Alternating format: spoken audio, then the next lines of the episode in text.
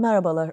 Bugün benim aslında en sevdiğim, en insani gelen, bir taraftan da çok güldüğüm, sevdiğim bir filozofu konuşacağız.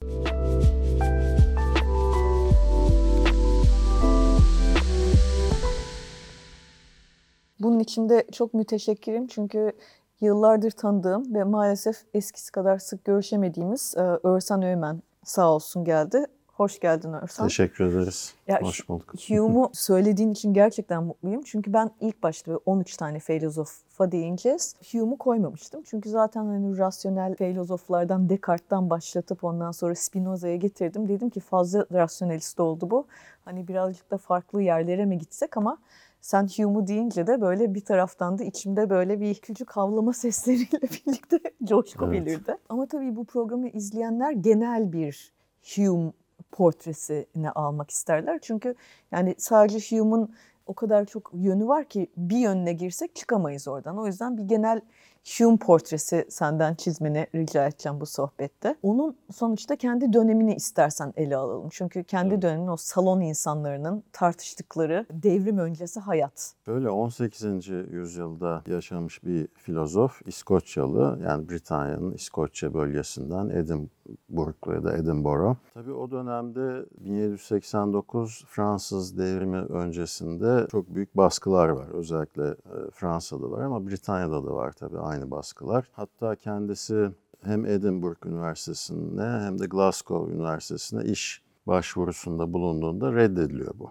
Yani din hakkındaki görüşlerinden ötürü. Ateist din- olduğu söyleniyor? Evet, ama o günün yani- ateizmi bugünün ateizmle aynı Ee, değil herhalde. Aslında agnostik demek daha doğru olabilir. Yani Tanrı'nın var olup olmadığının bilinemeyeceğini, Tanrı'nın bir bilgi konusu olmadığını, e, olsa olsa iman konusu olabileceğini, ancak imanın da akla ve deneyime aykırı bir inanmak biçimi olduğunu söyleyen Çok tehlikeli. ee, ve işte bu sözde vahiyinin mucize olarak görülen vahiyinin olup olmadığının ya da ruhun e, ölümsüz olup olmadığı gibi konuların metafizik konuları olduğunu ve bunların akıl yürütme yoluyla kanıtlanamayacağını ve bilinemeyeceğini söyleyen bir filozof. Dolayısıyla yani insanlar bunlara inanabilir diyor işte vahiyinin gerçekleştiğini işte Tanrı'nın seçilmiş insanları yani din açısından bakıldığında seçilmiş insanları peygamberlere kozmolojik ya da ahlaki doğruları aktardığı iddiası diyelim isterseniz. Bunlara insanlar inanabilir ama bu bir kör inanç. Faith ile belief'i ayırıyor zaten. Yani imanla inanmayı ayırıyor. Enteresan bir şey. Yani Kierkegaard'daki o leap of faith meselesinde de şey vardır ya, yani atlarsan ancak inanırsın ya da inanmazsın yani böyle Evet ama Hume daha enteresan yani diyor ki mesela dünyanın güneşin etrafında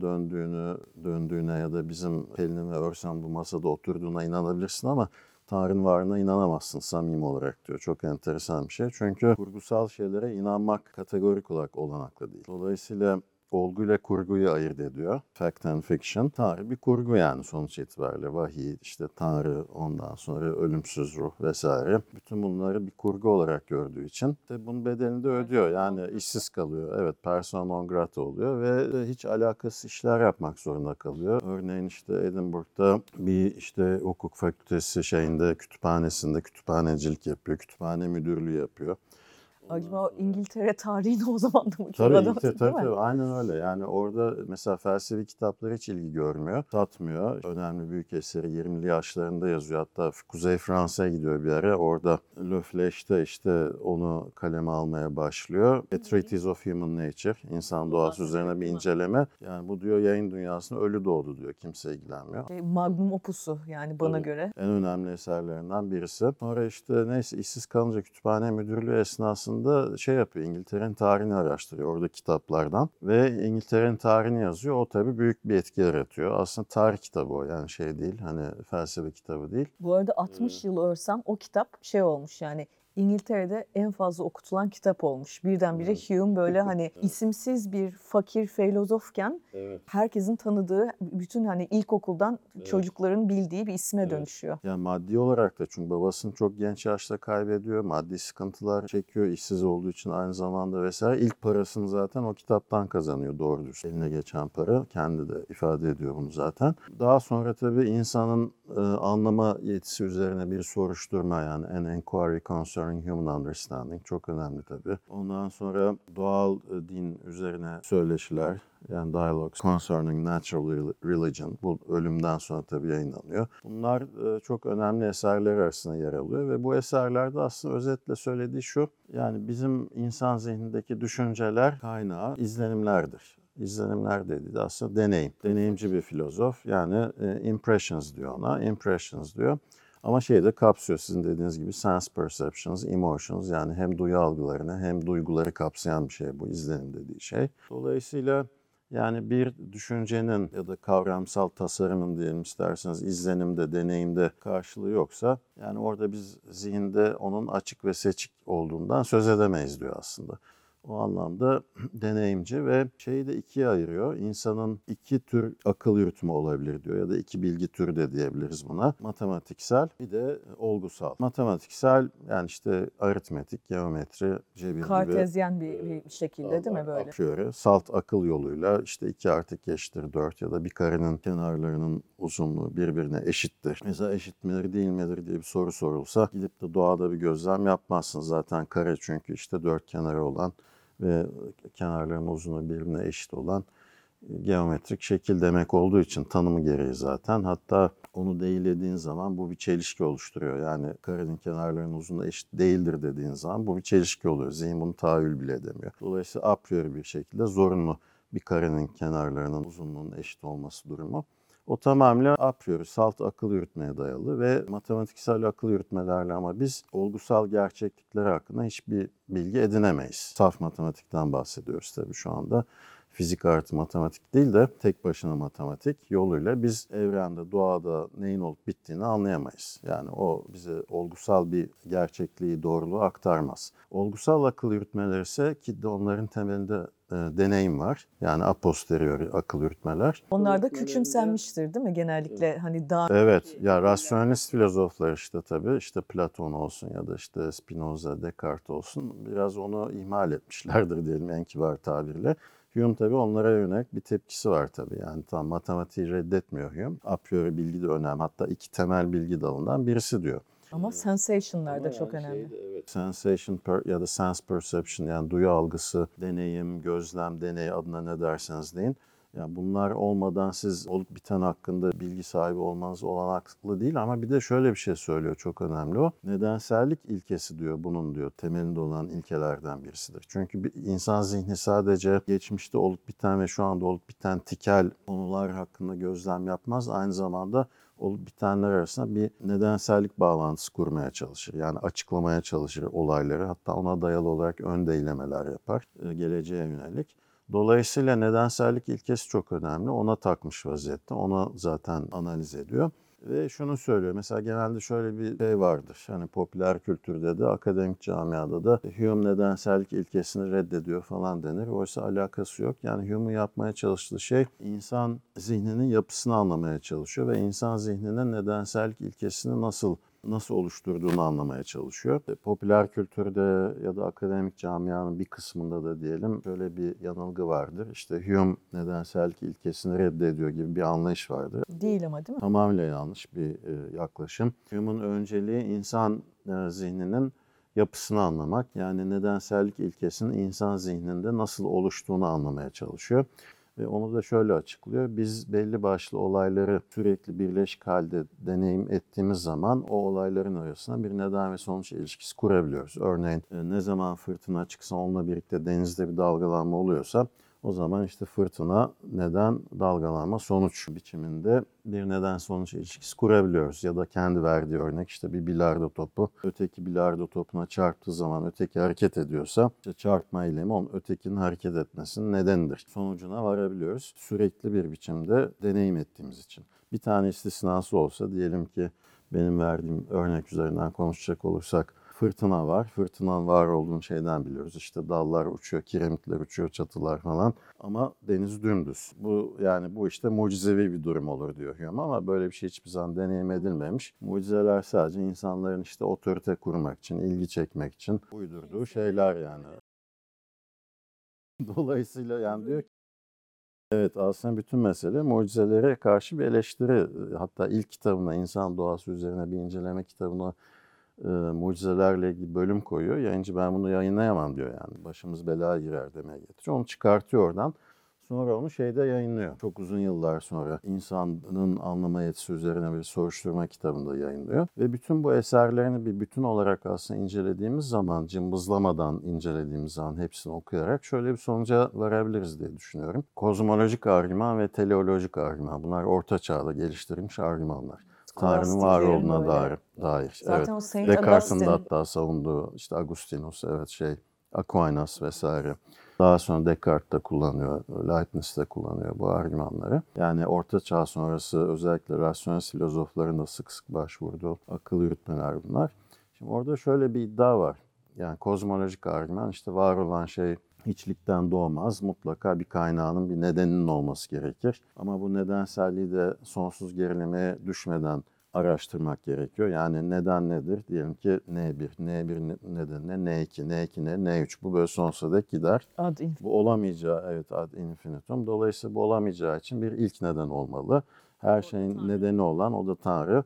Her şeyin nedeni olan ama kendisinin nedeni olmayan gibi bir sonuca varmışlar. Teleolojik argümanda insan nasıl belli bir amaç doğrultusunda belli başlı şeyleri tasarlayıp yaratıyorsa belli bir düzen içerisinde insan tarafından yaratılmamış olan şeylerin de evrenin, doğanın neyse bir tanrı tarafından bir amaç, bir telos doğrultusunda antik Yunanların deyişiyle bir tanrı tarafından, insan tarafından yaratılmamış olan şeylerin de bir tanrı tarafından tasarlanıp yaratılmış olması gerekir. Şimdi aslında Hume'un bütün derdi bu iki argümanı çürütmek. Ve diyor ki yani burada diyor tanrı neden? Evren sonuç olarak ortaya konmuş. Oysa biz tarihi deneyim etmiyoruz. Demin söyledik ya.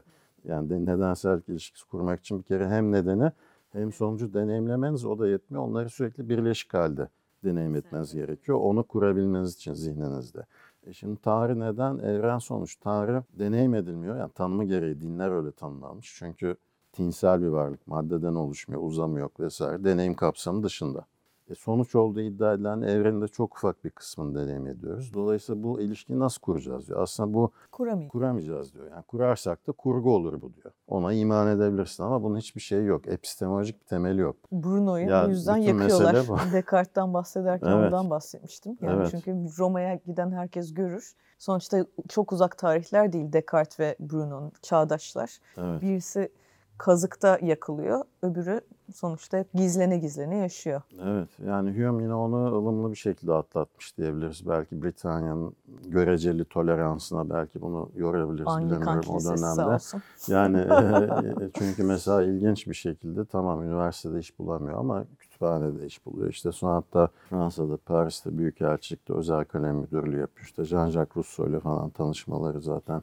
Zaten onların o didişmelerine bir girsek Evet. çıkamayız ama çok eğlenceli bir hikayedir. Evet yani o bayağı ilginç. Yani Rousseau ile işte ansiklopedistlerle, Fransa'daki devrimcilerle, Denis Diderot, Baron de Holbach'la ve şeyle Jean-Jacques Rousseau ile tanışıyorlar. Salon Ee, salon dönemleri değil mi? toplantıları. evet, Aydınlanma Paris'te. çağının. Aydınlanma işte devrim öncesi aydınlanma hareketi diyelim isterseniz. Felsefe, bilim, sanat, siyaset alanında Of, ne zevkli olurdu değil mi oraya toplantılar girmek? düzenleniyor tabii.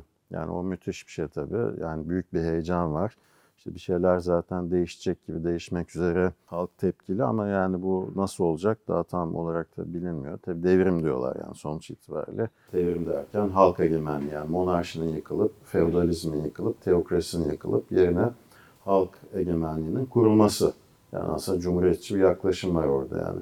Egalite gibi şeyler. Eşitlik, işte özgürlük, Fraternite. kardeşlik. Ondan sonra tabii bundan dolayı Rus'un başı belaya giriyor. Yani o biliyorsunuz şey toplum sözleşmesi veya insanların arasındaki eşitsizliğin kaynağı kitaplarında bunlar çok iyi ifade ediliyor. Her yerde zaten ayrık soğuttu gibi o yani. Hakikaten o da Evet. bayağı sinir bir adam. Çok severim Evet. ama yani. Zor bir insan olduğu söyleniyor işte. Yani o tabii onun kitapları yakılıyor meydanlarda işte gözaltına alınıyor sürekli takibat altında gizlenmek zorunda kalıyor falan. Hume onu işte o salon toplantılarından birini organize eden bir kontes Buffler var. Onun ricası üzerine Hume Rousseau'yu alıp İngiltere'ye kaçırıyor. Ondan sonra orada işte bazı kişisel nedenlerden ötürü anlaşmazlıklar yaşıyorlar. Sonra araları bozuluyor ama ideolojik nedenlerden ötürü değil yani daha çok Rousseau'nun da biraz şeyleri paranoyaları yüzünden. O kitaptan bahsedelim belki merak edenler Rousseau's Dog diye müthiş Evet. bir kitap vardır. Rousseau'nun e, Köpeği diye bir kitap. Evet. Türkçe'ye çevrildi mi bilmiyorum ama orada o Rousseau ile Hume'un o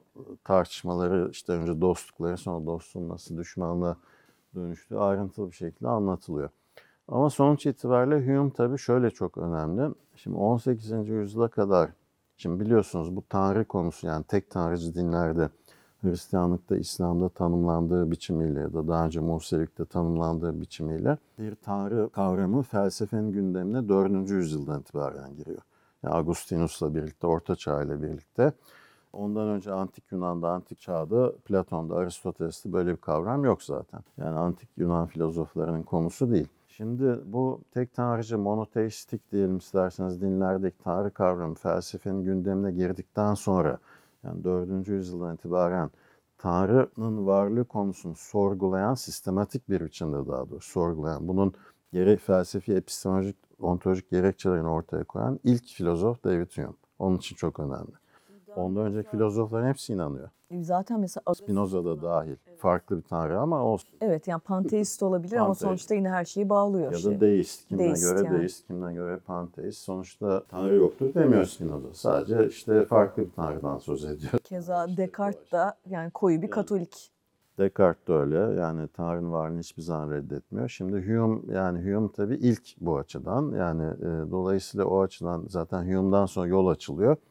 İşte Nietzsche, Marx, Schopenhauer vesaire yani 19. yüzyılda bir ateist, agnostik e, akımlarda ve 20. yüzyılda Jean-Paul Sartre, Bertrand Russell vesaire. Yani yolu açan Hume'dur o. O açıdan çok önemli. Kant mesela bu bağlamda değil belki ama Immanuel Kant ki o inanır yani Tanrı'nın var olduğunu ama o da onu bir iman konusu olarak görür. Yani Tanrı'nın varlığının kanıtlanması konusunda onun da ciddi kuşkuları vardır. Kant Hume için şunu der, beni dogmatik uykumdan uyandıran filozof David Hume'dur der. Onu söyleyecektim ben de evet yani, yani. dolayısıyla şey hani şeyi çok Kant bir taraftan Leibniz'ten çok etkilenmiştir. Onun rasyonalizminden. Ama Leibniz'in rasyonalizmini, akla indirgemeciliğini ya da akılcılığını, usçuluğunu dengeleyen Hume'dur. Yani Hume'dan da etkilendiği için zaten Kant bir sentez kurmaya çalışır aslında. Empirisizmle rasyonalizm arasında ya da deneyim deneyimcilikle usçuluk, akılcılık arasında bir sentez kurmaya çalışır Immanuel Kant. İşte o şeydir.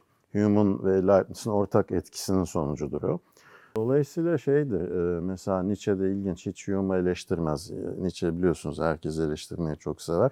Mesela Hume'u şeye yani ama Hume'u hiç dokunmaz yani. Hume hakkında aleyhinde söylediği bir söz yoktur mesela Nietzsche'nin. Bir çığır açtı diyebiliriz. Efendim, bir çığır açtığını söyleyebiliriz. Sonra ahlak konusunda da ilginç görüşleri var tabii. Ben sadece bu din meselesine uzaklaşmadan bu free will denilen hani özgür iradeye de çünkü ondan önce Tanrı ile ilgili yazıp çizen teologlar ya da teologumsu filozoflar Augustine gibi falan hep böyle hani bizim özgür irademiz var mı meselesine bana göre Hume yani özgürlük manifestosu gibi bir- şey yazıyor. Dolayısıyla Evet. ama böyle tabii ki bugün anladığımız özgürlük değil. Dolayısıyla onu belki şeye bağlayabiliriz. Evet tabii. Şimdi o belki biraz da ahlak felsefesiyle de bağlantılı olduğu için şöyle açıklayabilirim. Şimdi Hume'un, şimdi önce şunu söyledik. Tanrı var mı yok mu? Bu bir bilgi konusu olamaz. Deneyim kapsamı dışında. Nedensellik ilkesi üzerinden e, Tanrı'nın var ol- olduğu, olup olmadığı bilinemez. Yani Tanrı yoktur da demiyor ama vardır da demiyor. Bu şey e, bilgi kapsamı dışında metafizik bir konu. Şimdi ahlak konusunda da hani şu sorulabilir. O zaman ahlaki yaşantımızı nasıl düzenleyeceğiz? İyi ve kötü ya da cehennem ya da cen- evet. cennet vaadi yokken Evet. nasıl iyi insan Ee, olacağız? yani orada da tamamıyla tabii laiklik ilkesine çok derinden inanan bir filozof. O dönemin aydınlanma filozofları gibi. Dinin ya da kilisenin ya da dini temsil eden kurumların devlet, siyaset, hukuk işlerine karışmaması gerekiyor. O anlamda ayrı olması, karışmaması anlamında. Ve o koşulla da devletin de tabii inanmak isteyenlerin dini inanç ve ibadet özgürlüğünde güvence altına alması ya da agnostik ateistse, deistse onların da dünya görüşünü güvence altına alması gibi bir anla- anlayışları var. Yani insanların dindarlığı, yani insanlar dindar olsun olmasın öyle bir derdi yok. Yani isteyen dindar olur, isteyen dinsiz olur. O konuda bir sıkıntı yok zaten. Ama asıl meselesi onun epistemolojik olarak teolojiye karşı aslında bir meydan okuma Hume'unki. Şimdi ahlak konusunda da duygucu bir emotivizm deniyor buna felsefede. Yani rasyonelist yine rasyonelist değil. Nasıl epistemolojide rasyonelizme karşı empirist deneyimci bir teori geliştiriyorsa etikte de ahlak felsefesinde de yine rasyonelist etiğe karşı duygucu bir etik anlayışı geliştiriyor ve diyor ki bizim eylem ve seçimlerimizle ilgili bir şeydir ahlak ve eylem ve seçimlerimizin temelinde de duygularımız var. Tutkularımız ve duygularımız vardır. Descartes'in o duygu eserlerinden Evet. etkileniyor mu? Çünkü o da mesela biliyorsun prenses için şey yapmış. Altı tane temel duygu ve o duygulardan hareketle insan doğasını irdelemiş. Evet ama şimdi Descartes'te bir de şu mesele var tabii. Ee, diyor ki Descartes işte bir tanrı vardır. Birincil töz, substans. Onun yarattığı iki tane ikincil töz vardır. İşte o da ruh ve maddedir. Maddenin özü uzamdır. Ruhun özü de akıldır diyor. Yani aslında Descartes'te biraz o duyguları, tutkuları, algıları bir dışlayan bir yön de var bir yandan. Gerçi farklı eserlerinde farklı açılımlar yaptığı için biraz tartışma konusu ama hani esasında bir rasyonist bir yönü vardır Descartes'in. Yani ruhu böyle akıl ile anlamaya çalış. Daha sonra akla indirger diyebiliriz belki bunu. Bu tabii duygu yoktur, tutku yoktur anlamda belki değil ama özü diyor. Yani özü özü Yine akıldır. Bir şekilde Biraz böyle ikinci plan atma şeyi var Descartes'te hani e, şey algıyı, duyguyu, tutkuyu. Locke onu biraz ayar veriyor diyelim yani. John Locke İngiliz filozof. Çünkü Descartes düşünüyorum halde varım. Gerçi o epistemolojik olarak kendi varlığımdan neden kuşku duyamam onu anlatmaya çalışıyor. Ben kendimden kuşku duyuyorsam öz, kuşkunun öznesine benim. Dolayısıyla benim var olmam zorunlu bir gerçektir demeye getiriyor. Ama yine de Locke mesela diyor ki ben düşünüyorum, algılıyorum, hissediyorum. Öyleyse varım demek daha doğrudur diye onu düzeltiyor. Hume ama Şimdi Hume ya daha da ileri gidiyor. Doğrudan duygulardan e, yola çıkıyor ve diyor ki yani bizim diyor bütün eylem ve seçimlerimizin itici gücü akıl değildir diyor. Bu enteresan bir şey. Yani insan şöyle bir varlık değil işte ben böyle faunusun içinde işte akıl yoluyla neyi yapıp yapmayacağıma karar vereceğim gibi bir dünya yok. Yani aslında Spinoza'yı biraz da hedef alıyor. Çünkü Spinoza işte e, tutkuları denetlemek lazım işte akıl yoluyla. Stoacılıkta da var bu. Spinoza stoacılardan zaten etkilenmiştir. Tutkular aklın kölesi olmalıdır yani. Tersi değil. Çünkü tutkuların kölesi olursak başımız belaya girer diyor Spinoza. Dolayısıyla tutkuları akıl yoluyla aşmamız lazım. Hume bunu ter, ya parmağını Spinoza'nın gözüne sokup ters yüz edip doğası üzerine bir inceleme kitabında cümle tam böyle akıl tutkuların kölesidir ve öyle de olmalıdır diye bir cümle kullanıyor. Tabi bu doğrudan Spinoza'yı taş atma. Taş atmak ve şey isim vermese de şey Platon'a da tabii. Orada kastettiği şey aslında şu. insan doğasıyla ilgili bir durum. Hani bir romantik manifesto değil aslında. Diyor ki yani bizim diyor zaten diyor kaçınılmaz olarak yani motive eden şey bizim eylem ve seçimlerimizi duygularımızdır, tutkularımızdır. Yani kastettiği aslında şu işte vicdan, merhamet, cömertlik gibi şeyler aslında duygu ile ilişkili durumlar. Bizim duygusal dünyamızla ilgili bir şey. Hani ortak akıl olacak, ahlaken hepimiz doğru yolda olacağız değil. Bir ortak duygu kesişmesinden söz ediyor. Buna da şey diyor, simpati diye bir terim kullanıyor bunu açıklarken.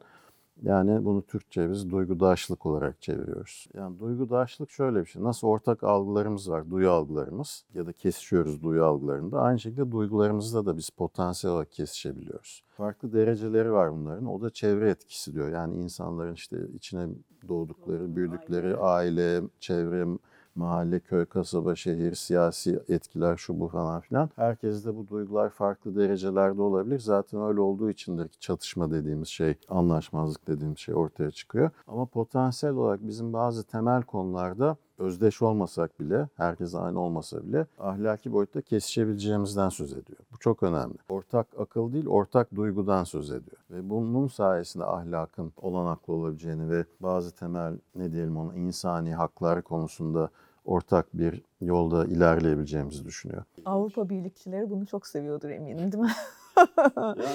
Birlik olma, Avrupalı olma, şehirli olma. Hristiyan Beyaz Adam Kulübü. Yani o zamanlar tabii Avrupa Birliği mevhumu henüz yok. Yani hatta bayağı bir rekabet var böyle şey Britanya ile Fransa arasında ama Hume o konuda da ilginç. Yani mesela Fransa'yı çok seviyor. Yani şey Orada daha özgür. ya tabii diyor ki hatta ben diyor ya hayatımda nerede yaşamak istediğim şehir diyor Paris'tir diyor yani. Yani şeyden çok hoşlanmıyor aslında Londra'dan, Edinburgh'dan falan. Tabii o dönem Paris'in entelektüel hayatı çok canlı ama bir taraftan da ağır baskılar var. Fransa'daki baskılar daha şey yoğun. Ama Fransa'da Fransız değilsen ve aristokrat değilsen sorun yok. Yani Mary Evet. Shelley'nin annesi de biliyorsun Mary Wollstonecraft gidiyor orada hani kadın hakları falanla ilgili. Öyle mi? Ha, Çok iyi bilmediğim bir konu aslında o ama. Ama işin Hı. ilginci şu Marx yani da öyle o da bu devrimciler insan hakları işte yani aristokratların kellelerini götürürken e, Olympe de Gouges diye bir kadın çıkıp da "Aa, biz hep beraber toplum sözleşmesi demiştik işte e, reayanın ayağa dikilmesi ve halkların e, işte hak sahibi olmuş olması demiştik. E kadınları unuttunuz siz diyorlar. Ne yapıyorlar? İlk giden kellelerden bir tanesi de Olympe de Doğru. Gouges'un. Evet. Yani şimdi Fransız devriminde de biliyorsunuz yani kadın hakları konusu ihmal edilmiş. Hatta onu savunanlar, giyotine gidenler var. Yani işte bahsettiğiniz konu o. Evet. Ama ben şöyle bakıyorum. Devrim tarihi çok önemli bir şey. İnsanlık tarihinde, uygarlık tarihinde bütün hakların tek bir devrimle elde edildiği bir örnek yok. Yani insan bu eksik yapısından ve doğasıyla alakalı bir şey. İnsan çok mükemmel varlık, daha doğrusu mükemmel varlık olmadığı için hep adım adım ilerliyor. Yani belli başlı haklar hep böyle bir anda hani tek bir devrim olacak. Kadın hakları, insan hakları, hayvan hakları bilmem ne bütün haklar aynı anda elde edildi. Öyle bir örnek yok. Ne yazık keşke olsa. Şimdi dolayısıyla tabii Fransız devriminde ve Amerikan devriminde 1776 Amerikan devrimi, 1789 Fransız devrimi ben şöyle bakıyorum. Hani monarşi, mutlak monarşi yıkması, feodalizm yıkması ve teokrasi yıkması. Teokrasinin yerine laiklik, mutlak monarşinin yerine yasama, yürütme, yargı arasında güçler ayrılığı. Feodalizm yerine de herkese eşit mülkiyet hakkı. Şimdi bu çok önemli bir adım. Onun için açıkçası şey düşünüyorum. Mesela kadın hakları burada yok. Evet bu bir eksik ama olanı en azından alıp sonra biz bunu daha ileri nasıl görürüz? Zaten 19. yüzyılda o yapılıyor. Yani kadın hakları hareketi biliyorsunuz ve 19. yüzyılda hem sosyal bu arada sadece kadın hakları değil yani Marx sosyalist hareket de 19. yüzyılda biliyorsunuz Marx ve şey Karl Marx ve Zaten hani hem o Almanların hem de Ruslara müteşekkir olmamız lazım. Clara'lar işte şeyler Kolontaylar vesaire Rus tarafında öbür tarafta da zaten yani Marx'ın etrafında da pek çok kadın figürü var. ama tabii şey bir eksiklik yani mesela felsefe tarihinde de mesela kadın filozof olmaması çok fazla olmaması diyelim en azından hep tartışılır. Yani o yine bence kadın haklarının çok gecikmeli olarak ortaya çıkışıyla alakalı bir şey. Yani bu tabii eğitim hakkı yok. Yani bundan 500 yıl sonra bence bunu konuşmamız lazım. Yani dolayısıyla Şu anda sen akademide bir fiil felsefe dersi veren bir insan olarak herhalde sosyal bilimlerde kadın e, çoğunluğu var değil mi? Pek çok dalda. Evet yani Türkiye'de o konuda aslında ciddi bir eşitliğin olduğunu söyleyebiliriz. Yani akademik hayatta hani idari şeyleri bilmiyorum ama Paper yazan yani işte makaleler çalışan yazan çalışan. sosyal bilimlerde kadın temsili oldukça yüksek diyebilirim. Evet, bugün sizlerle Hume'u konuştuk. David Hume gerçekten de böyle bir İskoçya'nın medarı iftarı diyebileceğimiz bana göre çok meyveli ama bir taraftan da insana böyle bir şey çiğnerken dişlerin arasına bayağı böyle kıymık da sokabilen bir felsefeci. Sağ olsun sevgili Örsan Öğmen de çok güzel anlattı. Bir sonraki hafta Satoshi TV'de başka bir filozofla ve sizlerle birlikte olacağız.